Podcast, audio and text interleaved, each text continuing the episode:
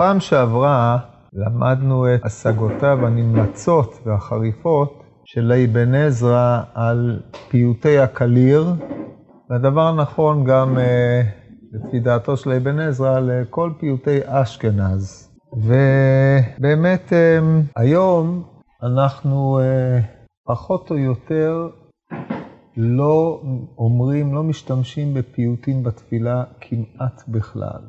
כמעט. לא מבאי הספרדים, שכמעט ואין אצלם פיוטים בתפילה. כשאני מדבר על תפילה, הכוונה תפילת העמידה ותפילת יוצר. זה שאחרי התפילה אומרים פיוטים, או זה שיש בקשות, זה לא הדיון. הדיון הוא על התפילה עצמה, תפילה, חזרת השץ, ברכת יוצר, שהם uh, הדברים המחייבים. כיוצא בזה תפילת מוסף. בקיצור, כל העמידות. אנחנו לא אומרים כמעט כלום. אה, יש ב... בין, בין השאר אצל הגר"א הדבר אה, כנראה בא לידי ביטוי בצורה חריפה ביותר, כי הוא טען שאין לומר את הפיוטים הללו, והם יצאו מכלל התפילה. היום אתם יכולים למצוא אותם במחזורים, בדפים האחרונים, במחזורים מסוימים. זכר לאותם ימים שאמרו אותם, או מי שבאמת אה, ליבו חשק באמירתם, הוא יכול להגיד אותם, אבל אה, זה כבר לא קיים. רוב האנשים אפילו לא יודעים מה זה, לא יודעים מה זה קרובץ, מה הם היוצרות. כל התרבות הזאת שהייתה, התרבות הליטורגית הזאת שהייתה מפותחת ביותר באשכנז, עד כדי שנתחברו, כך שנתחברו פירושים של גדולי הראשונים על הפיוטים הללו. אני אתן לכם דוגמה לספר אחד ש... ספר חשוב ביותר, שהוצא לאור על ידי פרופסור אורבך המנוח בשם ערוגות הבושם, או ערוגת הבושם לרבי אברהם ורבי עזריאל.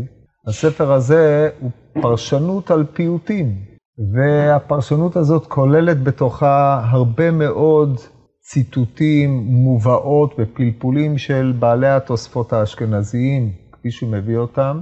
ויש עוד דוגמה, דוגמה נוספת שעולה בדעתי עכשיו, יש אה, בפסח, היו אומרים יוצרות, יוצר שנקרא אלוקי הרוחות, שנתחבר, אני לא זוכר, נראה לי על ידי רבי אליהו הכהן, אני לא זוכר, אבל על היוצר הזה, שהובא בספר אור זרוע, נתחבר פירוש על ידי אחד מבעלי התוספות, רבי שמואל מפליאז, והפירוש ההוא כולל בתוכו הרבה מאוד מדיני פסח.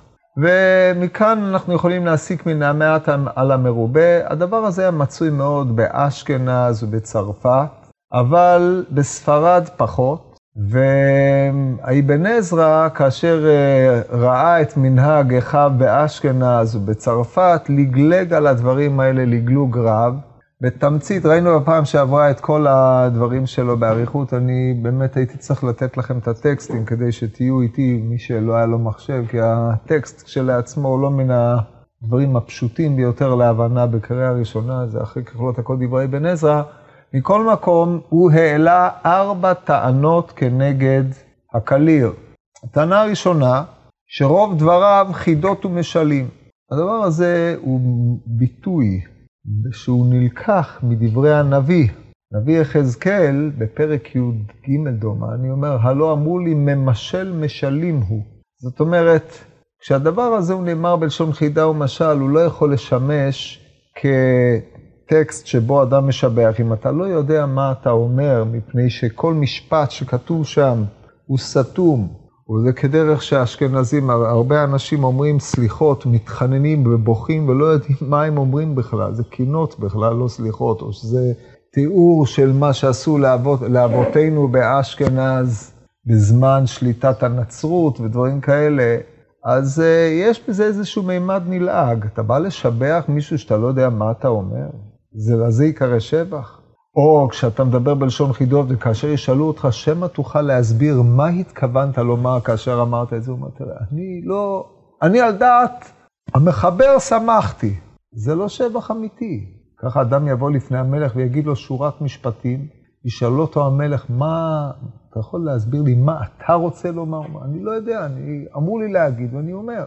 יש בזה מיעוט דמות השבח לכל הפחות. הטענה השנייה שלו הייתה, שאין לשבח בלשונות מעורבים. על זה הרי אה, הרמב"ם כותב בתחילת הלכות תפילה, שאחת הסיבות שחכמים תיקנו לנו את לשון התפילה, מפני שלשונם של עולי. בזמנו של עזרא, של עולי בבל, הייתה לשון מעורבת, חצי מדבר אשדודית וחצי אה, מדבר, כל מיני עירובי שפות, ויש שם, דרך אגב, לרמב"ם חידוש נפלא ביותר. כשכתוב חצי מדבר אשדודית, אתם מכירים את הפסוקים האלה? מה פירוש חצי מדבר אשדודית? אז על פניו היינו אומרים, חצי מהם מדברים בדיאלקט האשדודי, חצי מדברים בדיאלקט הסורי, חצי מדברים ב... בכל אחד לפי המקום שהוא בא ממנו. אבל הרמב"ם לא מפרש ככה. הרמב"ם מפרש חצי מדבר אשדודית, פירושו של דבר שהלשון שלהם מעורבת בדיאלקטים שונים. אותו אדם פותח משפט עם מילים אשדודיות ומסיים אותם במילים ארמיות. דהיינו, הלשון כולה היא לשון מעורבת. אם תשאלו, מהי נפקא מינה, מה אכפת לך? הרי העיקר הוא, וזה עניינה של השפה ליצור קומוניקציה, כמו שניסח את זה איזה פילוסוף אחד, שמינה קומוניקציה מלשון קומונה, כן, קומיוניטי, דהיינו קהילה, יצירת התקשרות בין שתיים, מה אכפת לך באיזה שפה אני מדבר גם, אה, אין, אין, מה זה משנה? אם אני חצי מדבר אנגלית, עברית, כמו שמדברים היום, אנשים מערבבים את השפה העברית עם להאזים למיניהם, בפרט יש בספרים, וכל המרבה בלהאזים הרי זה משובח, עד שכותב שורה אחת של להאזים במקום להביע את עצמו בשפה עברית נאה.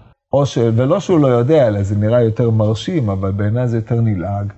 אז זה, על זה צעק אה, הנביא, ועל זה ככה פירש אותו הרמב"ם. אתה מתחיל בכל מיני מערכות של מושגים למיניהם, שחלקם נטולים מהשפה הזאת, חלקם נטולים מהשפה הזאת. זה פחיתות של השפה. לכן באו חכמים ותיקנו שפה שתהיה כולה על טהרת לשון, ה... לשון העברית, לשון הקודש. וזו הייתה הביקורת הראשונה של אבן עזרא, על, אה, הביקורת השנייה. על uh, הקליר, שלשונו מעורבת מלשונות התלמוד, ארמית, כל מיני פעלים uh, עם הטיות ארמיות למיניהם. הטענה השלישית הייתה שישנם אי דיוקים לשוניים יוצאים מגדר הרגיל. ושם הוא נכנס לפלפול לשוני על הפיוט הנסיך המלכי, לפה ולפה, ועוד אי אילו טענות שברגע שאתה אומר, אתה משתמש בלשון בצורה קלוקלת, לא מדויקת, זכר ונקבה משמשים לך כמו בבחינת הכתוב, רוח גדולה וחזק, או המחנה האחת והיכר, שכבר אה, דנו בזה החכמים, אבל אתה, למה אתה פותח בלשון אה, שושן איומה? נגיד שושנה איומה, או שושן איום, אבל הצירוף שלהם הוא לא, לא כל כך מתקבל. והדבר הנוסף זה כיוון שחכמינו, החכמים הגדולים, הנביאים לא התפללו בשפות האלה, לא שיבחו באופן הזה, אלא שיבחו בשפה נעימה או ברורה וצחה. למה לנו לנקוט בצורות אה, עלומות וקשות? אחרי שהוא תקף אותו, כל הדבר הזה היה על הפסוק, אל תבהל את פיך, להוציא דבר לפני האלוהים, כי אשר האלוהים בשמיים ואתה בארץ, על כן יהיו דבריך מעטים. כך אמר החכם, בספר קהלת. ועל זה לקח אבן עזרא את הדרוש שלו, והפסוק אומר בעצם בקצרה את מה שאבן עזרא התכוון לבטא, אל תבהל את פיך. בא המהר"ל, הוא כמובן מגן על מסורת אשכנז, וחולק על אה, אבן עזרא מכל וכול. עכשיו, לכאורה טענותיו של אבן עזרא מוצקות וחזקות. אנחנו שמדברים, או אמורים לדבר בשפה העברית, וכאשר אנחנו אה, יודעים להתבטא, מגיעים לפיוטי הקליר, אנחנו לא, לא יודעים את מימיננו לשמאלנו, זה כמו איזה כתב חידות שיש איזושהי, איזושהי הנאה לפענח אותו, אבל זה לא דבר שאתה עושה אותו בזמן שאתה אמור להתפלל, אז אצלנו זה קשה, אבל הם, הקדמונים האשכנזים שעסקו בפיוט, זה היה חלק מתוכנית הלימוד של האדם. אדם מישראל, זאת אומרת, תלמיד חכם, שנכנס לבית מדרש, מלבד זה שהוא לומד אמ, בבלי, ירושלמי, מדרשים, הוא גם לומד פיוטי קדמונים, כמו שאמרתי, ולכן התחברו על זה חיבורים. אם רבותינו בעלי התוספות עסקו בזה, אז זה חלק מחומר הלימוד שאדם צריך לדעת.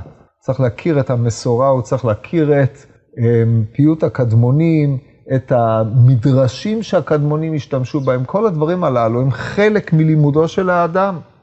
אז לכן כאשר אדם בא ומהלל ומשבח בפיוט שהוא יתייגע בו הרבה, והוא מבין אותו, ומי שקיצר בלימודו ולא מבין אותו, אז זה חיסרון בלומד, וזה לא חיסרון בדבר הנלמד. אז אין פלא שהמהר"ל מצא מקום לנכון להגן על מסורת שהוא עצמו החזיק בה ושאבותיו החזיקו בה, והיא מסורת אה, של קהילות הקודש של אשכנז מקדמת דנא עד התיישבותם בהר, בתקופה הקרולינגית, בתקופה, באזור אשכנז. אז אומר על זה המארז, אנחנו נמצאים בפרק י"ב בעמוד קט"ז, בדיבור המתחיל ב"הלשון כל הפייטנים קראתי גר". זאת אומרת ככה, קראתי גרי בן עזרא כאשר לא הלכו אחר דקדוק הלשון בפיוטיהם, כמו שהעריך בפירושו לקהלת. ואני אומר, כי לא חשו רבותינו ז"ל לדקדוק הלשון כמו זה. אבן עזרא, עניינו היה דקדוק הלשון. כמו שאנחנו יודעים אל נכון, חיבר ספר העיבור ועוד כמה וכמה ספרי דקדוק, עברונות, ובקיצור, זה היה הנקודה שלו, מלבד יכולות פנומנליות בחריזה, בשירה, גדולי הפייטנים שבטופ שבטופ. אז זה היה העיסוק שלו. אז כאשר מישהו לא בדיוק נכנס לתוך הכללים של תורת הפיוט, כפי שהם נקבעו במשקלים הספרדיים שהוא הורגל בהם, אז הוא ראה בזה שברי דברים, והוא לעג לפייטני אשכנז למיניהם. אז זה הוא אומר, מה, מה לא ולזה? חז"ל לא היו פייטנים, לא, ודאי לא, עסק, לא היו מדקדקים, הם אמנם עסקו בדקדוק, והרי ידוע שהדקדוק, ידיעת חוכמת הדקדוק, היא אה, חלק מידיעת החוכמה בכללותה, ומי שחסר את ידיעת הדקדוק, חסר לו כמה וכמה ידות בחוכמה, בטח ובטח הוא רוצה להבין את דרשות חז"ל, איך הם נוסדו, איך הם נגזרים מן המילים השונות, צורות הקריאה השונות, על פי שהם לאו דווקא הם, אה, כפופים לכלליו של אה, המדקדק של ימי הביניים, רבי אליהו בחור ושאר המדקדקים האלה. היה להם אה, קצת, הם היו קצת יותר חופשיים בשימוש בשפה. אבל בוודאי ובוודאי שהדברים הללו מיוסדים על כללי הדקדוק. אבל הם לא היו מדקדקים, הם היו חכמים. ובא אבן עזרא ואומר, הם לא חשו לדקדוק הלשון כמו זה. כי בוודאי המקרא הוא כמו שנכתב בלשון הקודש, בוודאי לשון זה הוא לשון הקודש. אין לצאת מן דקדוק לשונו אפילו בתנועה אחת. ואם יש דבר זר בלשון, הוא בשביל דרשה מה. וכן בתפילה שמעו ז"ל השואל צרחה בלשון ארמי אין מלאכים נזקקים לו, לפי שאין מלאכים יודעים בלשון ארמי, ובוודאי בזה היו נמשכים אחר הלשון והדקדוק. אבל בפיוט, שהוא כמו שירה ושבח שאומר האדם, והוא לשונו של אדם לא נמנעו מלומר לשון כמו זה, אף שהוא יוצא קצת מדקדוק הלשון, כיוון שמובן הדיבור כראוי. טענה ראשונה, יש הבדל גדול בין לשון הקודש ולשון התפילה שחוברה בלשון הקודש, לבין לשון פיוט. לשון הקודש זה לשון המקרא, ספר תורה, נביאים וכתובים, שהם חוברו, הם נקראים לשון הקודש. לשון הקודש, המהר"ל כמובן, בלי uh, להזכיר את הדבר הזה, אבל uh, הוא בוודאי מקבל את עמדתו של הרמב"ן וסיעתו של לשון הקודש, זה לשון שנברא בו העולם, כדברי המדרש, לא כמו הרמב"ם במורה נבוכים ג'-ח', שטען שלשון הקודש נקראת כך מפני שאין בה אמ, שמות עצם לאיברי הרבייה למיניהם, ולדברים המגונים, תמיד נקראים בלשון מוצנעת. אז הרמב"ן לגלג, לא הרמב"ן, רבי עזרא דומני, לגלג על זה בספר איגרת הקודש שלו, והם טענו שלשון הקודש, זה פותח בשלה, זה הלשון, כמו שאנחנו יודעים, שלשון שנברא בעולם, היא משתלשלת מעולמות העליונים עד שהתלבשה בשפה שהיא ניתנה, שבה נברא העולם, והיא בה ניתנה התורה. ולכן היא לשון הקודש. היא לשון שמבטאת את um, האופן שבו הקדוש ברוך הוא ברא את עולמו וציווה את עמו. אשר על כן, בלשון הזאת, יש לדקדק בכל עניין ועניין, מפני ששמירת כלליה היא שמירת הצביון של הקדושה שיש בלשון. ומאחר שבאדם מתייצב לפני אלוקיו ומתפלל, בלשון שבו הקדוש ברוך הוא פנה אל האדם, כי הרי התפילה והנבואה הם שני צדדים של אותה מטבע, דהיינו ההתקשרות בין, ה, בין השם יתברך לבין האדם, אז גם בלשון התפילה צריך שהלשון הזאת תהיה מתוקנת ומדוקדקת בלשון הקודש. עד כאן מסכים המהר"ל עם אה, עזרא, אלא שהוא אומר, מה לזה ולפיוטים של הקליר, וכי בפיוט של הקליר אדם מציב את עצמו לפני השם יתברך? וכי זאת תפילה? או שזה לשון שמתקבלה מן השמיים? לא. לפיוט יש פונקציה אחרת לחלוטין, לא בזה אדם מציב את עצמו לפני השם, אלא לפיוט יש תפקיד של שיר ושבח. הלל שאדם אומר מקירות ליבו, ואדרבה, הוא מהלל בלשונו הוא. אמנם הלשון הזאת יכולה להיות משובצת בפסוקים מלשון הקודש, היא יכולה להיות משובצת מכל מיני עניינים שהם מהווים את מכלל עולמו של אותו אדם, את הספרות שאותו הוא קורא, את ההגיגים שבהם הוא הוגה, באופן שהוא מבטא את רחשי ליבו. אז ורק אז זה מבטא בצורה יותר נאמנה את uh, האדם שבאדם, את השבח שהוא באופן ספציפי משבח, או באשר הוא אדם. ולכן, אם האבן עזרא טען איך אתה מעז להשתמש בלשונות קלוקלים, אומר, אומר המהר"ל, מה אתה רוצה? זה לא רלוונטי, זה לא טענה נכונה, אדרבה, זה הלשון הנכונה להשתמש בה. אז הטענה הראשונה, אם נמקד את הדברים, זה מה שאמרתי, זה גם מופיע בהמשך, אבל הטענה הראשונה, אם נמקד את הדברים, אומר המהר"ל, חוקי הדקדוק הקפדניים שאתה דורש, נכונים ללשון הקודש במקום שהשימוש הוא שימוש של לשון הקודש. הווה אומר, תפילה ולשון התורה. אבל זה לא הדיון. אז זו הפסקה הראשונה, נקרא את זה עוד פעם בקצרה. אם יש דבר זר, הוא אומר, אמ, כי לא חשו רזה לדקדוק הלשון כמו זה, כי בוודאי המקרא הוא כמו שנכתב בלשון הקודש, בוודאי לשון זה לשון הקודש, שנצאת מדקדוק לשונו אפילו בתנועה, בתנועה אחת. אם יש דבר זר בלשון, הוא בשביל דרשה מה? כי הרי אחרת לא היה מקום לדרשות, אדרבה, הזרות שיש במקרא, היא אומרת דורשני, כמו, כמו לשון חכמים. ואז אתה צריך לדרוש אותה ולהוציא ממנה מעמקים. וכן בתפילה שאמרו הז"ל, השואל צרכה בלשון ארמי, הם מלאכים נזקקים לו, לפי שאין המלאכים יודעים לשון ארמי. בוודאי היו נמשכים אחר הלשון והדקדוק. המלאך שמביא את תפילתו של האדם לפני השם יתברך, או, אה, זאת אומרת, לפי המהר"ל זה לא בדיוק קורה כך, אבל על כל פנים, המלאכי השרת שנזקקים ללשון הארמית, נזקקים לדיבורו של האדם, הדיבור הזה הוא צריך להיות דיבור מתוקן. כי הדיבור הזה הוא מציב את האדם לפני השם יתברך, כמו שאמרנו קודם. שם באמת צריך שהלשון של התפילה שלו תהיה מדוקדקת. ולכן עילג שלא יודע להתפלל, לא יודע להתפלל יפה, אסור לו, לא, לא, לא יעבור לפני התיבה, כן? כמו אנשי הגליל שקוראים לה אלפין עיינין ואיינפין אנפין, זה אנשים שלא יודעים לבטא את המילים בצורה נאותה, טועים בדקדוק, בתחביר, ולצערנו יש כאלה, לא מעט. אז הם לא, לא ראוי שאדם כזה יעבור לפני התיבה בכלל. זה יכול להיות שליח ציבור. מי שישלח מישהו שלא יודע לדבר, להציג את עמדותיו בפני המלך, זה בושה וחרפה. הוא ודאי יתבייש שפלוני בא ומגמגם לפני המלך בשפה לא ברורה. אז זה לא ראוי, לא נכון. לכן אדם צריך, כשהוא מתפלל, צריך לדעת את ההגייה הנכונה, לדעת את משמעותם של הדברים, ואת הצירוף הנכון של המילים, איך קוראים את זה נכון. אז כל זה נכנס לגבי התפילה.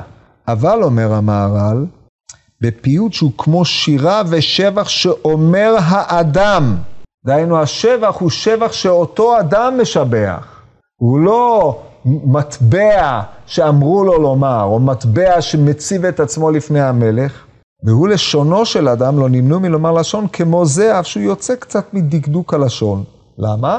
כיוון שמובן הדיבור כראוי. היינו העניין והשבח שבו הוא מובן, למרות שהדקדוק לא בדיוק עומד בקריטריונים. כן. הוא משבח את הקדוש, הוא לא. כן, אלא מה? כל, מה שאתה אומר זה נכון, אבל הפיוטים שעליהם אמר, אתה לא, פה הוא מדבר על אה, שבחים שאתה אומר, או הפיוטים של הקליר שאומרים, משלבים אותם בתפילה. עכשיו, כשאתה משלב אותם בתפילה, אתה כביכול, בזמן שאתה מתפלל, אתה גם אומר מה שיש לך לשבח. לכן זה בתפילה, לא מחוץ לתפילה. אלא מה? כשאדם עומד, וזו הטענה של המהר"ל, כשאדם עומד בתפילה לפני השם, אותם חלקים שהם תפילה, הוא צריך להגיד אותם בלשון הקודש. אותם חלקים שהם פיוט והוא לא רואה אפשרות לא לשבח ולפייט אלא בתפילה, כמו שראינו קודם, כמו שאמרת בצדק, את זה אומר בלשון פיוט.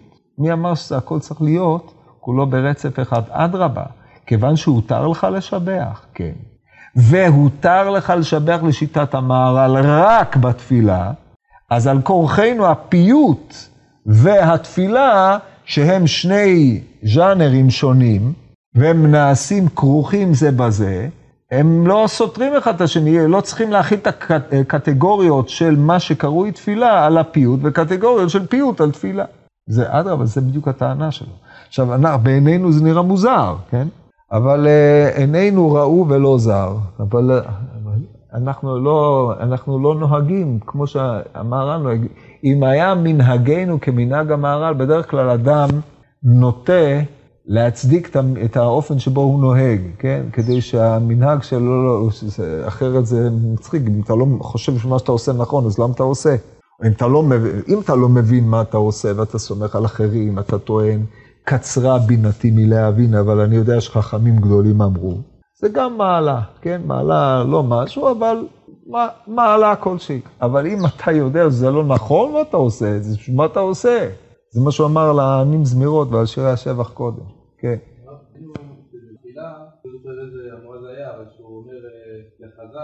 כן, אז זה שבחיו של הקדוש ברוך הוא, זה נכון. איפה? אז יש, יש שבחים ויש שבחים, לא, כולה, לא כל השבחים הם אותו דבר. פה אתה מספר בגדולתו של השם יתברך באופנים אלו או אחרים. יש דברים שהותרו לך ויש דברים שלא הותרו לך. הרי יש שבחים שאומרים, כן, כמו סיפורי אה, ניסים, גבורות שהשם עשה איתנו, טובות שהשם היטיב איתנו, הרצון שלנו להביע בפניו את, אה, את פעלותנו מכל מיני עניינים. כל הדברים הללו כלולים בשבח. אם הקדוש ברוך הוא משפיע גשמים, ואנחנו מתפללים על כל הטובה הגדולה הבאה מזה, אם הקדוש ברוך הוא מנהיג את העולם במידת הרחמים, ואנחנו מהללים אותו על רחמיו וכן הלאה. כל הדברים הללו כלולים בפיוט, כן, בשיר והשבח. בכל מקרה, אומר המהר"ל, לכן מה שקראתי גר גם על הלשון זננו, כן, הם, הם, הם היו אומרים, אני לא יודע, אנחנו לא אומרים ככה, אנחנו אומרים, רואינו, האל אבין מלכנו אדירנו, בוראנו, גואלנו, יוצרנו, לא. איך אנחנו אומרים, ראינו, ראינו, זוננו, פרנסנו וכלכלנו, אומרים זוננו, כן, מלשון זון, מלשון מזון. אז הם היו אומרים, ראינו, זננו, פרנסנו וכלכלנו. עכשיו, זננו זה טעות.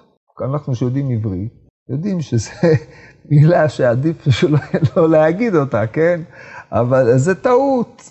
אז והמהר"ל, האבן עזרא תקף את אנשי אשכנז על שהם אה, נקטו בלשון הזאת, וזה אחד, היה, אחד העניינים שהוא מליג עליהם, שהם לא יודעים את הדקדוק, וכאשר אתה לא יודע את הדקדוק, אז אמנם אמרו חכמים על הפסוק, ודילוגו עלי אהבה, כמי שקורא אהבת, אייבת, דילוגו עליי אהבה, אבל זה לא כבוד גדול, זה קצת, זה רק בגלל שהבן אדם לא יודע להתבטא, אבל אם אתה יודע ואתה אומר את זה, או שתלמד להגיד נכון. אז על זה, גם את זה המהר"ל מעביר. מה שקראת גם כן על לשון זננו בברכת המזון, כמו שביארנו להלן, זה מפני שאמר רעינו. אנחנו אומרים הריש וחטף, דהיינו החטף, כוונה פה שווה. ואף אם מתחבר התיבה של צי תיבה זו לומר גם כן זננו, הזין בחטף לא הקפידו כלשון צחותו. כאשר אומר המילות שוות. בדבר כמו זה שאין שינוי רק בתנועה, והוא מובן אצל הכל, כמו שאפשר לדבר זה, כל הלשונות שאין צריך יותר, רק שכאשר הוא מובן מללשון העניין, כך די בזה סוף סוף מובן הלשון, מן הלשון העניין. זאת אומרת, הוא אומר, רק שנייה, הוא אומר, גם אה, נכון שדקדוקית זה לא, לא טוב, אבל קודם כל יש בזה איזושהי תפארת המליצה כאשר אתה אומר את הלשונות באותם משקלים. טוב, יהיה כך, אני לא יודע, אבל, וחוץ מזה, כי פה ברור למה אתה מתכוון, לכן אה, אין ספק שהטעות הזאת היא לא טעות שמשבשת מכל וכול את כל האמירה שלך. זה הלימוד זכות, זה היה כנראה קצת פחות אה, קריטי עם השפה המדוקדקת, שתהיה מדויקת, כן. כאילו, האבן גם הכרת על זה שהמילים לא מובנות. זה עוד לא הגיע לזה, עוד לא הגיע לזה, כמו שראית. זאת אומרת, לא רק שהוא לא, לא אמר את זה, הוא אמר למעשה את המשפט, מובן הדיבור כראוי. והכוונה שלו, גם אם הדקדוק לשון שלך הוא לא מי יודע מה, אבל העניין מובן, כן? הוא לא מדבר על אה, כוונת הנמשל, מדבר על המילה. שיש לך צירוף מילים, הן לא מדוקדקות, להגיד אנסיכה במקום אנסוך, או משהו מעין זה, אתה מבין מה הכוונה, אנסיכה מלכי, אתה נמצא בראש השנה, הכוונה בבחינת, אה, אה, אני נסחתי מלכי על, על ציון הר קודשי, ככה כתוב בתהילים. אז אנסיכה נסחתי, לא יודע מה, אתה לא מבין שמדובר ב... נסחתי זה מלשון לעשות אותו מלך. אתה מבין? גם אם זה לא בדיוק, ההפעיל לא בדיוק מתאים, מפני שאולי זה משורש נסח כזה.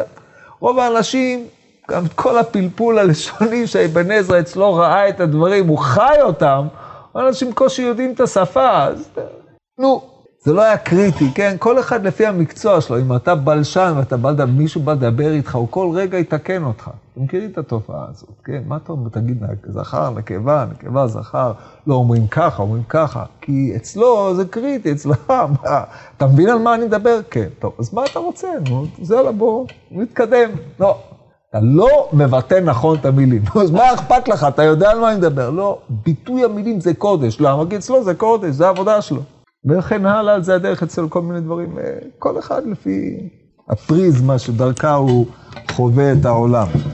טוב, לענייננו, אז זה הדבר הצחוק. עכשיו ממשיך המהר"ל ואומר, אה, ויש לקיים דברי הקדמונים שהיו כולם חכמים גדולים, ידעו כל מצפוני חוכמה. לא היה נעלם הקריאה מהם, והוא נכון. רק לפני שיש לומר כי נוסח שלנו לא בא לנו מרזל, בא לנו טעות הלשון לפני שיתוף המילה שאצלה, נהגתי לומר זורנו ומולטו, מולטו זה, זה שירות. וכן, זהו. אז עכשיו פה הוא אומר את המשפט שגם בזה הוא יוצא נגד אה, דברי אבן עזרא. אבן עזרא הביא את המשפט, הגמרא הזאת, אין משיבין את הארי אחרי מותו. המשפט אין משיבין את הארי אחרי מותו נאמר על רבי אליעזר ורבי יהושע, שאחרי שבאו ונשאו ונתנו בדבריהם אחרי מותם, אין משיבים. אתה בא בטענות וטוען קושייה על רבי אליעזר, אם הוא היה פה, היה מראה לך שאתה לא מבין כלום. הוא היה פורך את קושייתך מכל וכול. אומר אבן עזרא, הטענה הזאת, אתה לא יכול להשתמש בה תמיד. הראיה, אומר אבן עזרא, דניאל. כתוב, הגמרא במסכת מגילה בט' אומרת על דניאל, אף דניאל טעה, שנאמר בינותי בספרים.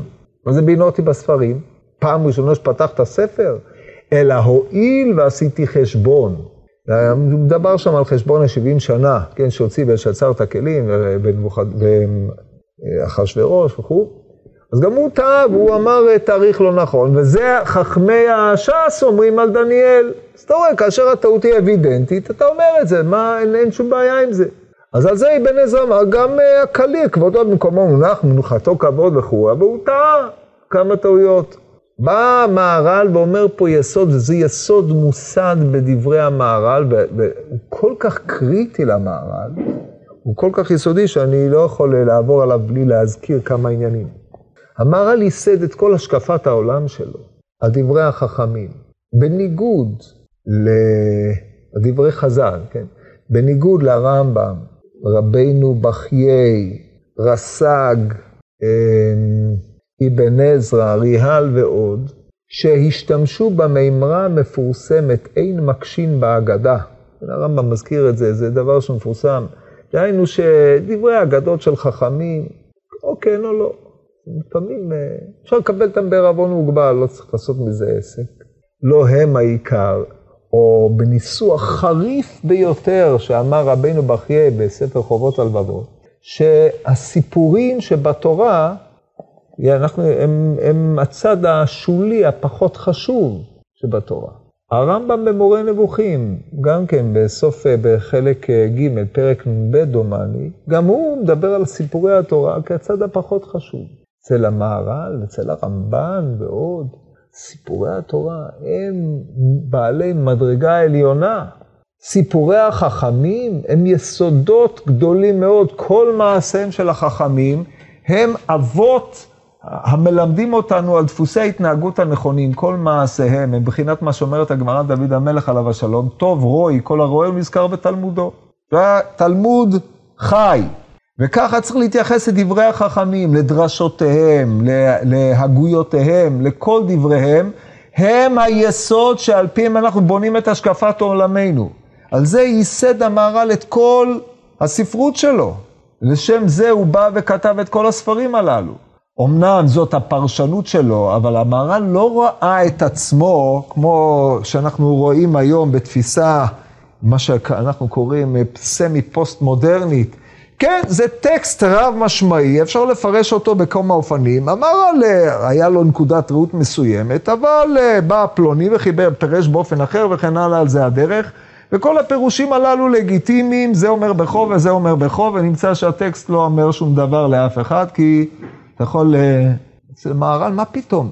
מה שאני אומר לכם, זה כוונת הטקסט, אלו דברי חכמים.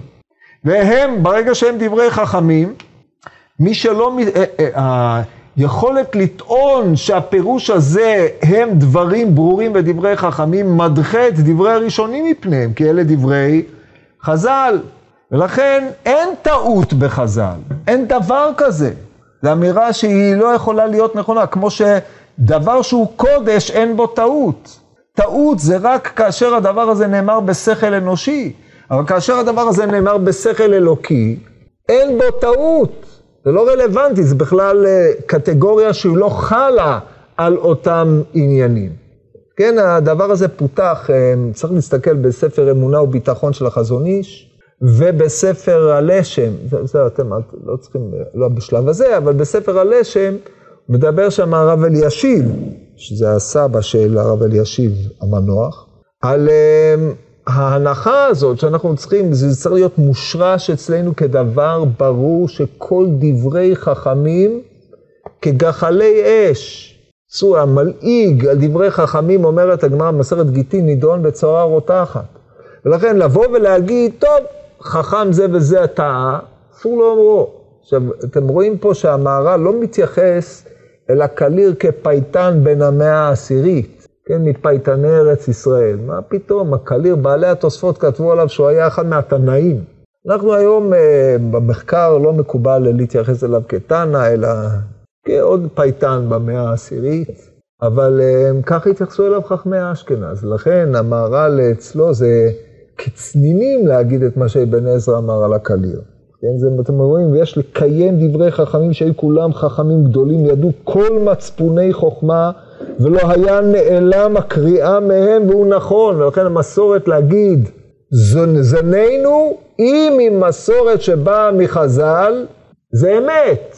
זה לא מסתדר לך עם הדקדוק? לך יש בעיה, לא למסורת. אלא אומר המהר"ל, מסופקני עם המסורת הזאת, עם מסורת נכונה, רק מפני שיש לומר כי נוסח שלנו לא בא לנו מרבותינו ז"ל, הוא בא לנו טעות הלשון לפני שיתוף המילה, לפני שיתוף המילה שאצלה, זאת אומרת בגלל ראינו אמרו זננו, לא בגלל uh, שיש בה עניין עצמי, נהגתי לומר זוננו במולאפו. אז זה ההצדקה של uh, מה שכן ראוי לומר. וכן מה שקרא תגר על הפיוט. גם כן, הוא דבר שלא הקפידו על הלשון, כשהבדל בדבר מועט כל העניין, אשר כל העניין מובן.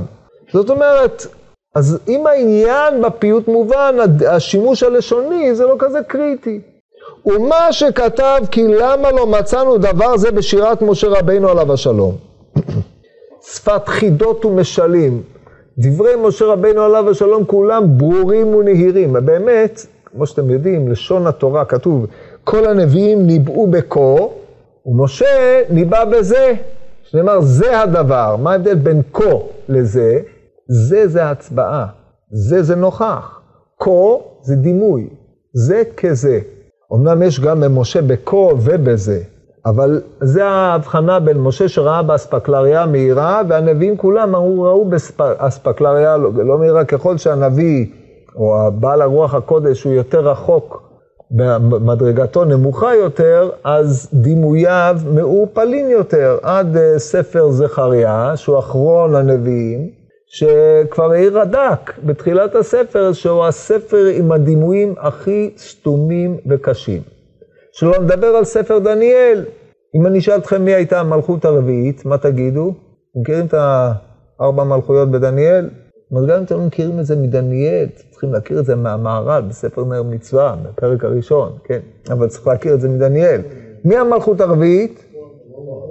אתה מבין מי אמר לכם? מלכות הרביעית, תלוי את מי אתה קורא, אבל בזמן שבית המקדש היה קיים, את המלכות הרביעית ייחסו לאנטיוכוס אפיפנס. המלכות השלישית, הצפיר, הנמר, אה, זה עם הארבע כנפיים, זה אלכסנדר מוקדון, והרביעית זה אנטיוכוס. ככה הם פירשו. לא רק הם, גם פרשנים מודרניים מפרשים ככה. ואתה יודע שזה רומי ולא, פשוט, אם, אם רומי מפריע לך, זה המלכות הרביעית. אבל אם רומי לא מפריע לך, אז הרי לפני רומי, ספר דניאל היה קיים והיו צריך לתת לה פשר, מה הפשר שנתנו אז? חיכו עד שתהיה את רומי, ואז יגידו, זה הפשט? לא, כי זה באמת מקבל פשר, כל דור נותן לו את הפשר שלו. זה הבעיה, או היתרון, או איך שתרצו, בדברי הנביאים. בגלל שהם מעופלים. אז אומר המהר"ל פה, רק אסיים את זה, כבר אמרנו כי התורה אין להיות לה רק לשון, לשון רק לשון הקודש, לכך אין שינוי הלשון בלשון התורה, אבל משהו שייך אל שיר ושבח, אשר הם נאמרים בכל לשון, כל אשר הוא מובן לא הקפידו עליו רז"ל. ואז הוא אומר, גם בלשון התורה, אתה חושב שכל מה שכתוב שם מובן לך? בטח ובטח מי שאמר אי פעם תהילים, בפרט תהילים ס"ח, טעינו בפרק הזה, זה ב, לדעתי הפרק הכי קשה בספר תהילים, ס"ח, מי שלא מכיר, שיכיר, למנצח בנגינות מזמור לדוד. תתחיל את זה, והשם יהיה בעזרו. אז אה, יש גם את זה, טוב, זה, זה נראה בהמשך איך הוא מסדר את זה, בפעם הבאה, אבל זה, זה מה שהיה חשוב אה, שתבינו על דברי הפיוט, ללמד זכות על הפייטנים למיניהם או על הקלים.